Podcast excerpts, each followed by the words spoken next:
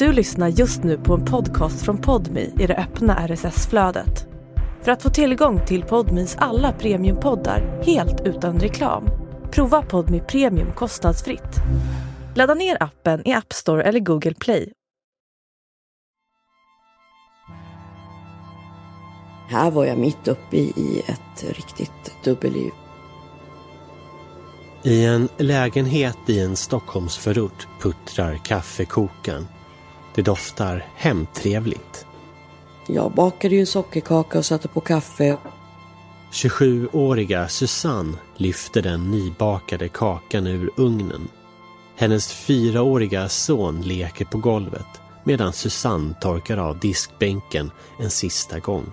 Och, eh, tänkte självklart på att jag inte var påverkad där och då. Tittar man noga kan man ana att hennes händer med de långa, nymålade, välansade naglarna skakar lätt. För Susanne väntar besök från socialtjänsten. Och bara jag klarade mig. Det var typ så. Att jag inte skulle bli påkommen. Ett besök som kan ta hennes son ifrån henne. Det var ju stora skräcken. På dagarna fixar Susanne sina trogna stamkunders naglar. Många känner ju mig som Nagel-Sussi. Nagel-Sussi hämtar sonen på dagis, släpar matkassar och steker fiskpinnar som vem som helst.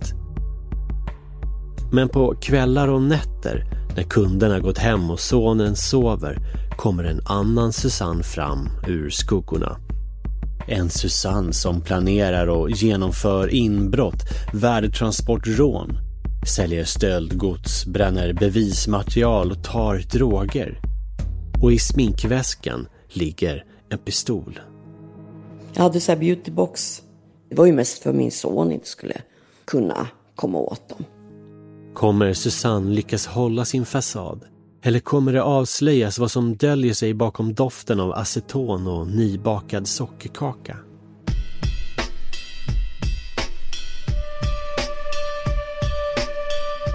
Från Banda för Podmi, det här är Dubbelliv. Podcasten om våra hemligheter och lögner. Jag heter Hugo Lavett. I det här avsnittet berättar Sara Olsson och Hanna Thorn Susannes historia.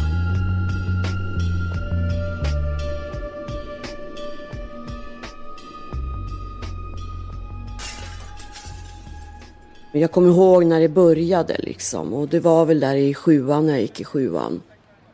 Det är 70-tal i Stockholmsförorten Bredäng. Höga betonghus avtecknar sig som en grå bergskedja mot himlen. Jag eh, bodde precis första höghuset bredvid tunnelbanan. På sjunde våningen, i huset närmast tunnelbanan, står Susanne i fönstret. Där hade vi lite fri lejd kan man säga. Hon kikar ner mot torget där två uniformerade poliser rör sig mot Pressbyrån. Vi såg dem ifrån mitt köksfönster. Liksom. Butikens ena fönsterruta ligger krossad i tusentals små glasbitar på marken. I Susanne pumpar adrenalinet genom ådrorna.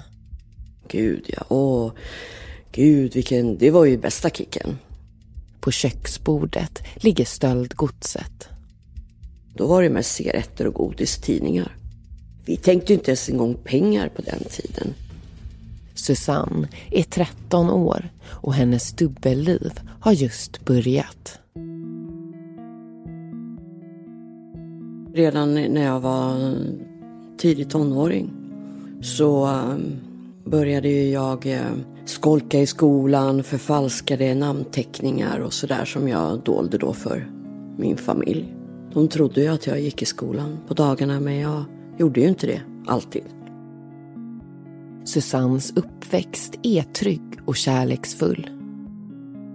Jag har ju haft en väldigt fin uppväxt och sådär så att och med mycket kärlek och så så att jag har ju inte direkt något att skylla på där tänker jag.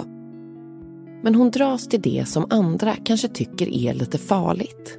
Söker spänning, utmanar ödet. Jag var en äventyrslysten väldigt framåt, utåtagerande kicksökare. Spänningssökare. När Susanne börjar hänga med ett gäng tuffa, lite äldre killar i Bredäng känns det som att hon hittar hem. Började med snatterier och sen övergick det till man liksom bara pangade rutan och, och tog, roffade åt sig det man kunde och sprang hem till någon. Och sen så började jag ju dricka alkohol, röka hasch i väldigt tidig ålder också. Så det var ju det som var spänningen liksom. Det här är bara början.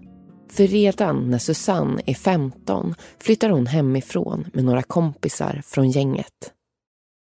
Det var ju där det började någonstans eh, bli lite mera allvarligare med planering och kartläggning och du vet, ja, lite mer avancerade inbrott och stölder. I den lilla lägenheten, långt från de vuxnas vakande ögon, sitter Susanne och vännerna och planerar allt större inbrott mot butiker, förråd, varulager. Det var hemma tavlor, äkta mattor, det var smycken, det var kläder. Det var sportpryl, alltså stereo, ljudanläggning, det var allt möjligt. Det var ju, vart ju en livsstil. Susanne fyller 18. Av föräldrarna får hon körkortet betalt. De kan inte ana vad dottern ska använda den möjligheten till. Nej men alla hade ju en varsin roll och en, man hade en fördelning. Den skulle hålla knasen som man kallar det för då, hålla knas. Det var ju att vakta. Jag körde ofta bilen till exempel. Jag fick vara chaufför. Stöldgodset säljer de eller byter mot nya bilar och narkotika. Vi höll ju på allihopa med, med olika sinnesförändrande substanser så vi var ju drogpåverkade. Hon börjar ta amfetamin för att hålla sig vaken lugnande när hon gör inbrott för att hålla nerverna i styr och kokain när hon festar. Jag eh, levde helt i missbruksvärlden och kriminalitet. Men snart ska det inträffa något i Susannes liv som får henne att tänka om. Men sen vart jag ju dökär, vi vart dökära. Medan Susanne kör flyktbilar, planerar inbrott och suger i sig droger blir hon kär. Han var också utifrån eh, eh, förorterna, från samma sida av stan om man säger så. Vi hade jättemycket gemensamma vänner, det var så vi träffades. Susanne och pojkvännen är lite av samma skrot och korn. Men båda drömmer i hemlighet om att lämna kriminaliteten och drogerna. När Susanne fyller 23 föds hennes son. Nu bestämmer de sig för att börja om. Susanne utbildar sig till nagelteknolog. Jag har alltid varit intresserad av liksom färg och form. Och... Hon öppnar en egen salong inne i stan. Det var stora speglar och kristallkronor. Och jag hade fyra tjejer som var frisörer som hyrde stol där. Och sen hade jag jobbade jag och en tjej till med naglar och så hade jag kosmetolog. Alltså vi hade ju fullbokat. Alla var full rulle hela tiden. Salongen går bra. Kunderna är många och trogna. Susanne jobbar hårt, tävlar i SM i nagelskulptering och blir vän med sina nya kollegor. Hemma i lägenheten rullar livet som nybliven mamma på. På ytan ser allt bra ut. Det var just det jag längtade efter, det här Svenssonlivet. Med lugn och ro och nu ska vi ha ett bra liv, eller ett normalt liv, tänkte vi. Men det blev inte så. Sen så smög det ju sig på igen, det här som låg väldigt nära till hans, mitt tidigare kriminella, destruktiva liv. Det är något annat som lockar och drar i Susanne. Det liksom kryper och kliar under skinnet. Jag hade inte kraft att stå emot där sen. Hon har svårt att slappna av. Börjar ta sömntabletter för att kunna sova sen något mer uppåt för att hålla sig vaken. Gamla Susanne, hon fanns ju där, hon var så inrotad. Det är nu Susannes dubbelliv drar igång på allvar. Kollegor, kunder, familj tror att hon är den lyckade nagelteknologen. Men i hemlighet är gamla Susanne tillbaka. På halvtid i alla fall.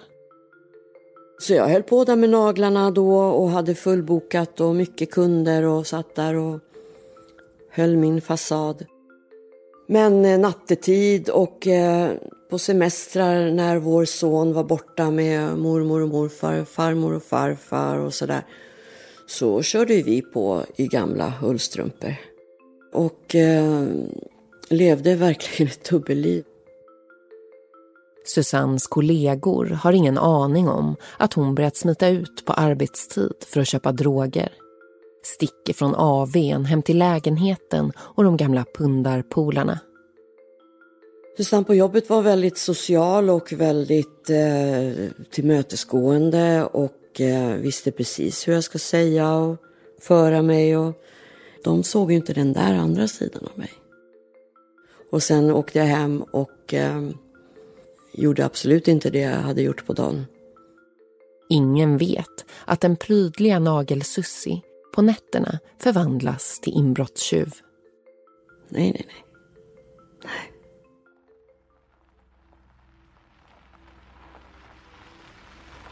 En natt sitter Susanne plötsligt i en stulen Audi med falska registreringsskyltar.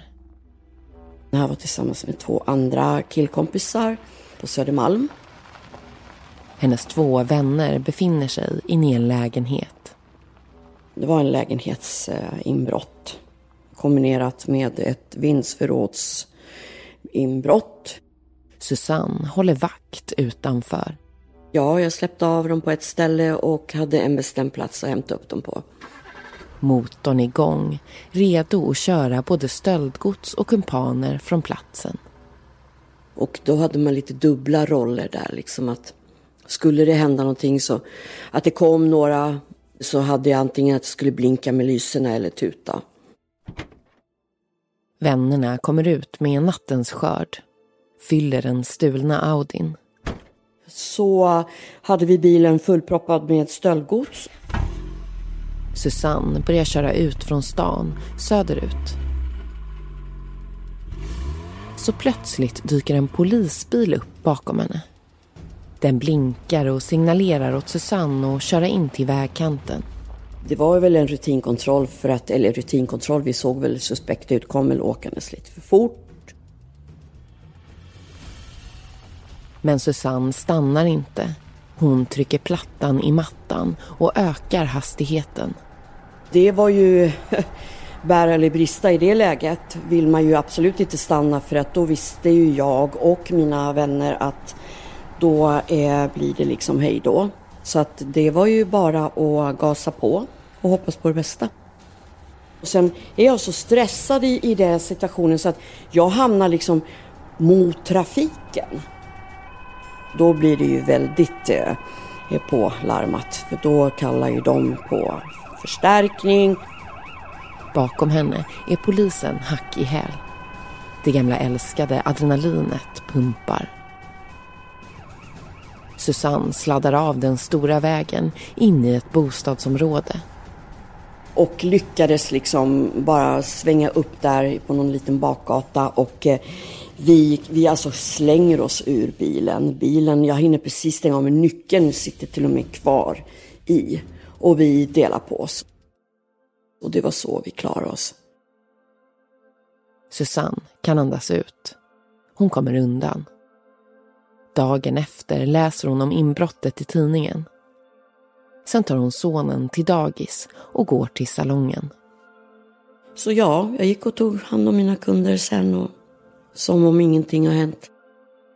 Man lär sig att dupera och undvika olika frågor och situationer och man blir uh, street smart. Vad, vad, vad var det du var rädd för skulle hända ifall folk skulle komma på vad du höll på med? Vad som skulle hända, det skulle ju vara Jag menar framförallt, jag hade ett minderårigt barn hemma. Jag vet ju hur myndigheter blir inkopplade, allt vad det innebär. Om kollegorna, hennes sons vänner och förskolepersonal, eller värst av allt socialtjänsten, märker att Susanne tar droger och deltar vid inbrott. Då riskerar hon att förlora vårdnaden om sin älskade son. Det skulle ju vara fruktansvärt. Det var ju stora skräcken. Men när pappan till hennes son hamnar i fängelse ska Susanne få problem som börjar rispa på den välansade fasaden. Susannes uppdrag är att smuggla in droger till sin sambo i fängelset. Hon har gjort det många gånger förut. Men kanske har hon blivit slarvig, oförsiktig.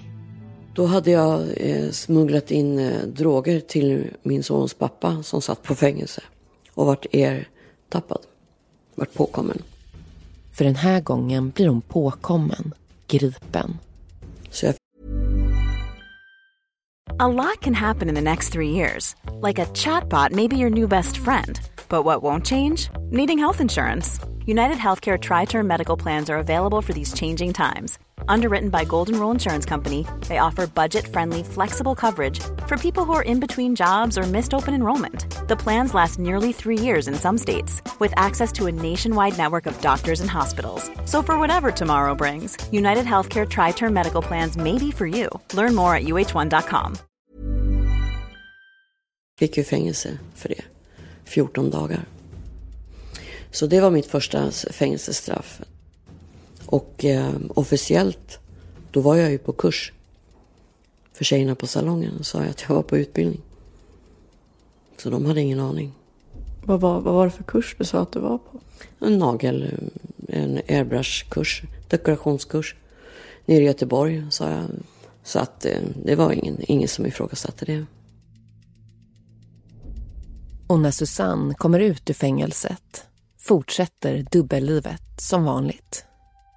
Ja, jag var ju snabbt tillbaka i gamla banan igen som jag hade levt innan. Fortsatte. Tog vid lite där jag slutade kan man säga nästan. Men fängelsestraffet ska snart få konsekvenser. Varje morgon fixar sig Susanne framför spegeln. Naglar, smink, spray i det mörkbruna håret. Dyker upp på salongen på utsatt tid. Kollegor och kunder tror fortfarande att hon är den driftiga, fixade entreprenören. Föräldrar och skolpersonal att hon är en ordnad mamma. Och hur, hur såg det till att de här två världarna inte liksom blandades ihop? Ja, jag undvek ju att de skulle träffas och stöta på varandra så gott jag kunde. Ibland dyker Susannes gamla liv upp på nagelsalongen. I och med att jag var inne i ett missbruk också så träffar man ju också en del människor som kanske inte har lika bra ekonomiskt och så. Som då fick nys om att jag hade salongen och ville, ville sälja sa stöldgods till mig. Att det vart, och då, det är klart att de utmärkte sig för att det var ju missbrukare och det syntes på dem. Kollegorna kollar på Susanne. Vad är det där för skumma typer hon känner? Nej, men jag hade, det var någon kompis kompis sen förut eller någon barndomsvän som eh, bara råkade komma förbi eller ja, men man hittade på lite. Allt möjligt. Improviserade. jag var duktig på att dölja saker och ting. Men snart kommer verkligheten och knackar på hos Susanne. En dag när hon kommer hem från salongen ligger ett brev på hallmattan. Jag får ju hem ett brev. Socialtjänstens snirkliga logga tittar upp mot Susanne bland barnskor och gruskorn. Hon drar efter andan. Öppnar brevet. De har startat upp en, en, en utredning angående på grund av att jag då har blivit dömd till ett fängelsestraff. SOS vill göra ett hembesök för att se hur hennes son har det. Så jag får ju datum och tidpunkt och bestämmer möte med dem. Tankarna snurrar. Och bara jag klarar mig. Det var typ så. Att, de inte skulle, att jag inte skulle bli på, påkommen. Hennes hemliga liv får inte avslöjas. Fasaden måste putsas extra skinande. Och eh, jag bakade ju en sockerkaka och satte på kaffe och tänkte självklart på att jag inte var påverkad där och då. För att socialtjänsten inte ska få en skymt av hennes hemliga liv förbereder Susanne sig väl. Hon vet hur hon ska bete sig, vad hon ska svara på deras frågor. Hon ska visa upp Nagel-Sussi som har pengar, ett rent fint hem. Jag visste ju vad de skulle säga och fråga och undra. Och... Det ringer på dörren. Men då kom de och... Två personer från socialtjänsten kliver in i lägenheten. De frågade mig, ja hur ser det ut med, med eh, ditt intag av narkotika då? Nej, men det har jag slutat med, sa jag. Jag ljög ju och manipulerade. Och de trodde på mig. Jag hade min salong. Jag hade ekonomi och hade ett rent fint hem. Inga anmärkningar från skolan. Tacka gudarna för det. Jag kommer ihåg att jag var förvånad efteråt över att det gick så himla smidigt. Efter hembesöket läggs utredningen ner. Susanne har kommit undan igen. Då vart jag ju lätt, lättad förstås. Vart jag ju jätteglad för. För mig var det ju bara att få fortsätta och leva det liv jag levde utan att bli påkommen. Susanne har till och med överlistat socialtjänsten. Fasaden verkar vattentät. Och nu gasar hon på i dubbellivet. Sen vart det ju postsäckar, transporter och sådana rån då. då. Och slänga vapen, elda upp bilar. Ja, det vart ju liksom bara grövre och grövre. Susanne går allt djupare ner i missbruk och kriminalitet. På kvällar, helger, semestrar kör hon flyktbil, håller knasen, bränner bilar i ödsliga skogspartier och gömmer vapen. Jag hade ju alltid vapen hemma men det var ju inte alltid mina.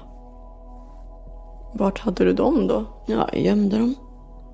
Inlåsta i någon låda eller... Jag hade så här beautybox, nagelgrejer så kunde jag lägga dem där i. Det fanns ju så här små lås till med små dagbokslås till. Men ändå så att inte, det var ju mest för min son inte skulle kunna komma åt dem.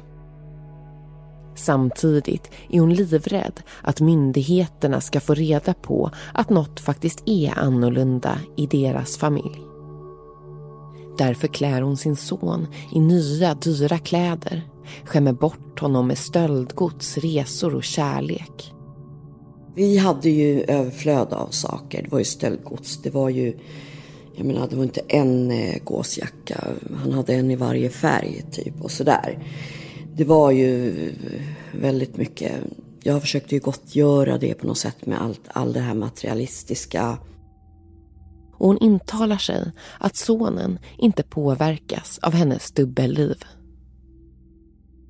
Jag levde i den där illusionen och tänkte liksom att han inte visste och förstod någonting. Jag förstod ju att jag gjorde fel men jag tyckte inte att han blev drabbad. Han hade ju kläder, vi åkte på resor. Vi gjorde våra saker tillsammans. Tills min son vart 18 kan jag säga. Så flyttade han hemifrån. Och då, då fallerade allting. Då tappade jag greppet helt. Sonens flytt kommer bli början till slutet på Susannes dubbelliv. Då gick det inte längre att dölja mitt destruktiva liv. Jag satt ju bara var mer och mer påverkad på, på salongen och det märktes ju. Dubbellivet går inte längre att dölja. Jag hade kunder som tog mig åt sidan och grät och sa liksom att det finns hjälp att få. Du borde söka vård för det här. Och jag bara ljög. Fortsatte att ljög fast de såg att jag ljög.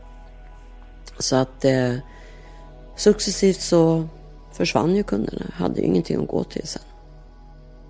Susanne förlorar bostad, körkort. Kunderna försvinner från salongen. Sonen säger upp kontakten. Jag förlorar faktiskt allting, både salong och alla mina eh, vettiga relationer. Nagel-Sussi är ett minne blott. Hela hennes liv kretsar kring droger. Var hon ska få tag på dem och med vad. Pengar, det var ju tvunget att få komma in. Så jag började sälja droger då. Det var inte svårt för mig att få tag på droger och sen började jag åka runt i Sverige och sälja. Hon bor i sin bil, bär vapen för att skydda sig, åker in och ut ur fängelse och säljer stora partier med knark för att finansiera sitt eget beroende. Dagarna bara gick. Hade väl tappat lite mm, livsglädje. Kändes rätt meningslöst det jag höll på med. Var inte ens en gång spänning längre. Det var inte kickade ingenstans. Utan det var bara mm, tragiskt. Men efter många suddiga år inträffar något som kommer förändra allt. Jag fick en, försök, fick en träningslägenhet på, på Söder. En dag befinner sig Susanne i hennes nya stödlägenhet på Södermalm i Stockholm tillsammans med sin nya pojkvän. Jag var där i lägenheten tillsammans med min dåvarande pojkvän och han eh, var beväpnad. Plötsligt bankar det på dörren. Utanför står Susannes barndomsvän och skriker. Han är arg på Susanne för att hon hjälpt hans flickvän att sticka. När Susannes kille öppnar dörren rusar barndomsvännen in. Och det blir världens tumult. Och plötsligt, mitt i virvaret av kroppar, hör Susanne ett skott gå av. Sen ett till och ett till. Skottlossning sker. På golvet ligger Susannes barndomsvän skjuten.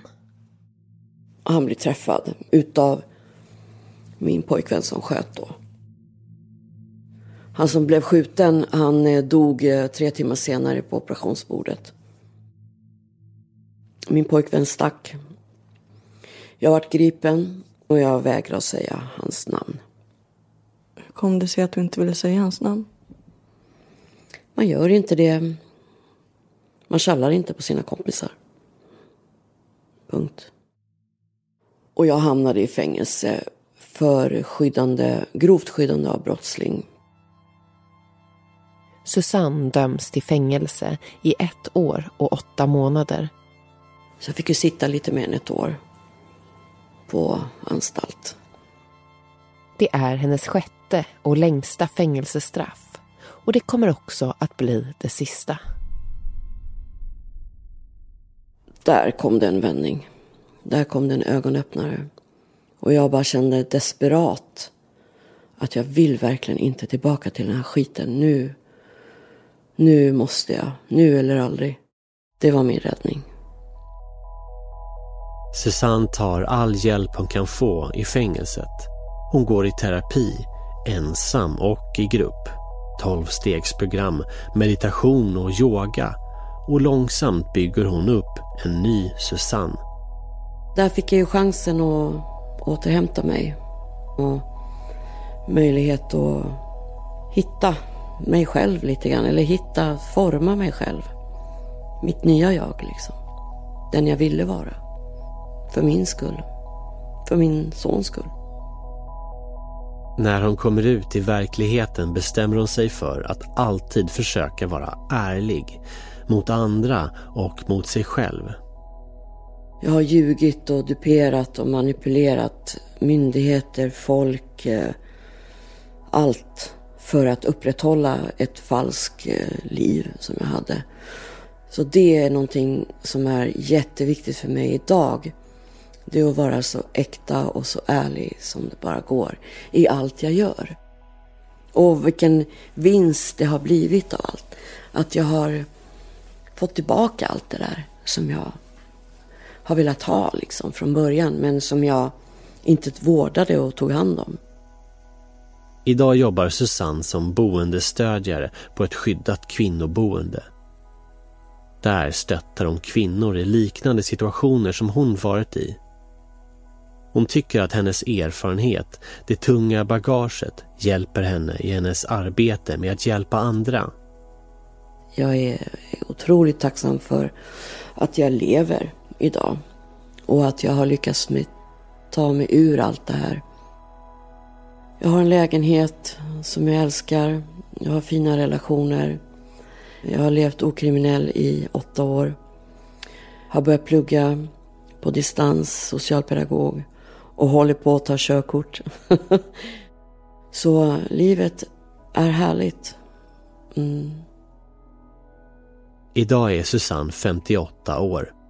Hon sitter vid köksbordet i sin nya lägenhet, scrollar igenom fotona på mobilen, visar bilder på sin son. Hennes naglar, målade i flera nyanser av rosa, lyser mot skärmen. Och hur, hur är din relation med din son idag? Den är jättebra. Vi har världens finaste relation. Men det har tagit tid. Jag har fått kämpa. Vilket jag kommer få göra eh, hela mitt liv. Men idag är det inte lika svårt och det känns inte lika kämpigt. Mycket just för att min son tror på mig idag. Och det är en jättebefrielse. Och inte gå omkring och ha en massa hemligheter. Klart jag har hemligheter. Men de hemligheterna jag har idag. Det, det, de får jag ha. Så. De hemligheter som jag har haft. Det är ingenting jag vill ha. Jag vill bara ut med det och kunna gå vidare.